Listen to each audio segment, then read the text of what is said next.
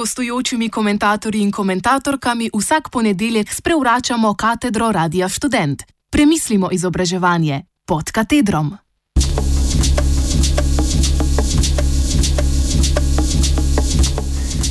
Univerza je.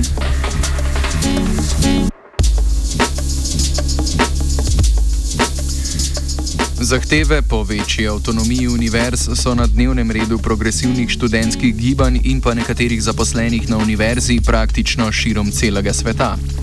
Zahteva se avtonomija univerze v smislu njene neodvisnosti od vladajočega političnega razreda in vpliva različnih političnih strank, poglavitno pa se zahteva neodvisnost od konstantno spreminjajočih se zahtev prostega trga. Neodvisnost od takšnih vplivov je seveda pogoj avtonomije univerze, predvsem v smislu avtonomije sistemov univerze, ki, jo, ki morajo ostati neodvisni, se pravi avtonomije znanosti, raziskovanja in poučevanja.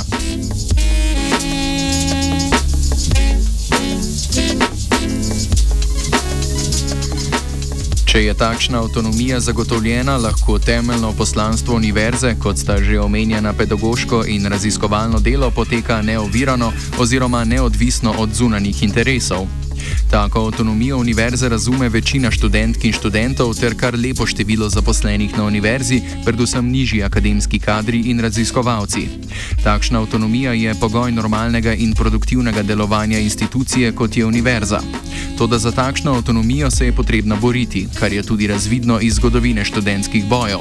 Boj za takšno avtonomijo univerze je torej boj za kritično, teoretsko, produktivno in kvalitetno univerzo.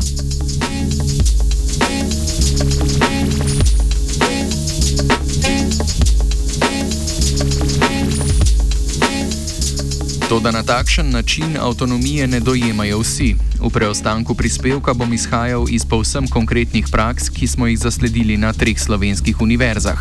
Rektori vseh treh univerz dojemajo avtonomijo per se in jo tako takšno tudi izvajajo. Iz tega mesta izhaja tipično zvišeno, zvišeno obnašanje, kot da nad njimi ni nobenega, razen modrega neba, in zato lahko univerzo krojijo po svoje. Iz tega lahko potegnemo dve konsekvenci, ki sta simptomatični za slovenski akademski prostor: nedotakljivost rektorja in njegove ekipe. Z drugimi besedami, delajo kar hočejo, kršijo zakone, kodekse, izvajajo nelegitimne in nelegalne prakse ter pri tem ostanejo nekaznovani. Svojo avtonomijo dojemajo v okvirih politične, oblastno-odločevalske in ekonomsko-finančne avtonomije univerze, kar omogoča koncentracijo moči na samem vrhu akademske hierarhične piramide. Mariborski rektor je nedolgo nazaj celo predlagal, da bi bil v statutu univerze samo en stavek: Univerza je. Vse ostalo bi doštukali kar rektori sami.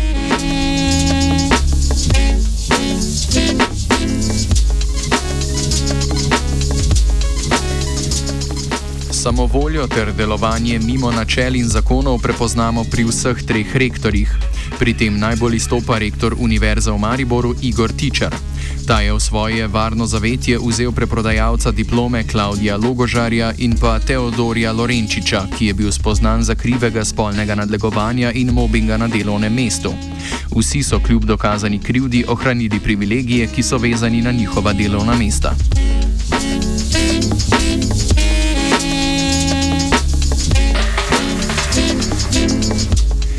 Rektorju Univerze na Primorskem, Draganu Marušiču, se že več let očita vrsto nepravilnosti in samovoljno upravljanje z univerzo. Med drugim se mu očita nepravilnosti v postopku izvolitve v prejšnji rektorski mandat. Zadnja večja afera, ki je odmevala po celi Sloveniji, pa je bila Marušičeva odločitev, da, da odpusti nekaj profesorjev, ki so delovali tudi v znanstveno-raziskovalnem središču Univerze na Primorskem.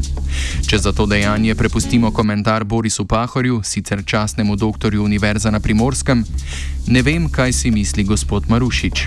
To, da to, kar počenja, ne sodi v noben način civilnega oziroma kulturnega ravnanja.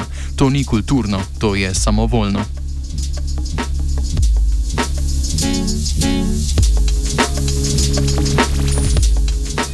Za konec omenimo še rektorja Ljubljanske univerze Ivana Svetlika. Ta je, ko je na zadnje hotel spremeniti statut, ki bi mu še okrepil oblast in skoncentriral moč, povozil vse mehanizme demokracije na univerzi. Spisal je osnutek statuta in ga poslal naravnost v javno obravnavo.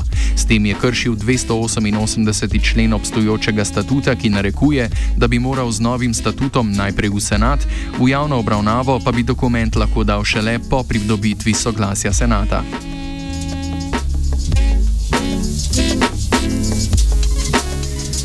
Izpostavljam problematične prakse, ki se v našem akademskem prostoru dogajajo kljub etičnim komisijam in etičnim kodeksom, ki so zapisani v raznih statutih in podobnih dokumentih.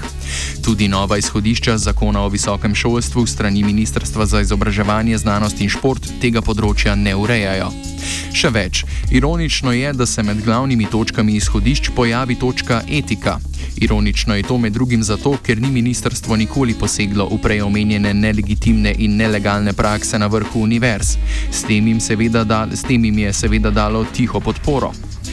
Lahko imamo še toliko zakonov in pravilnikov in statutov, ki pridigajo o etiki, če ne, ume, če, um, če ne omejimo avtonomije najmočnejših na univerzi, je vse za manj.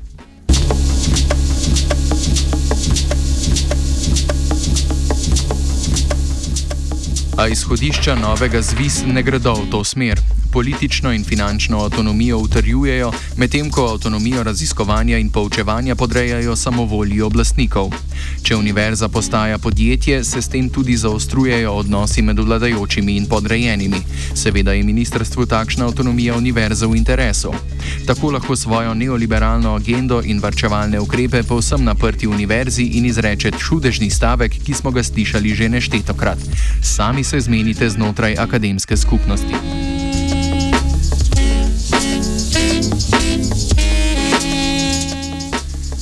Avtonomijo preoprašuje Tine.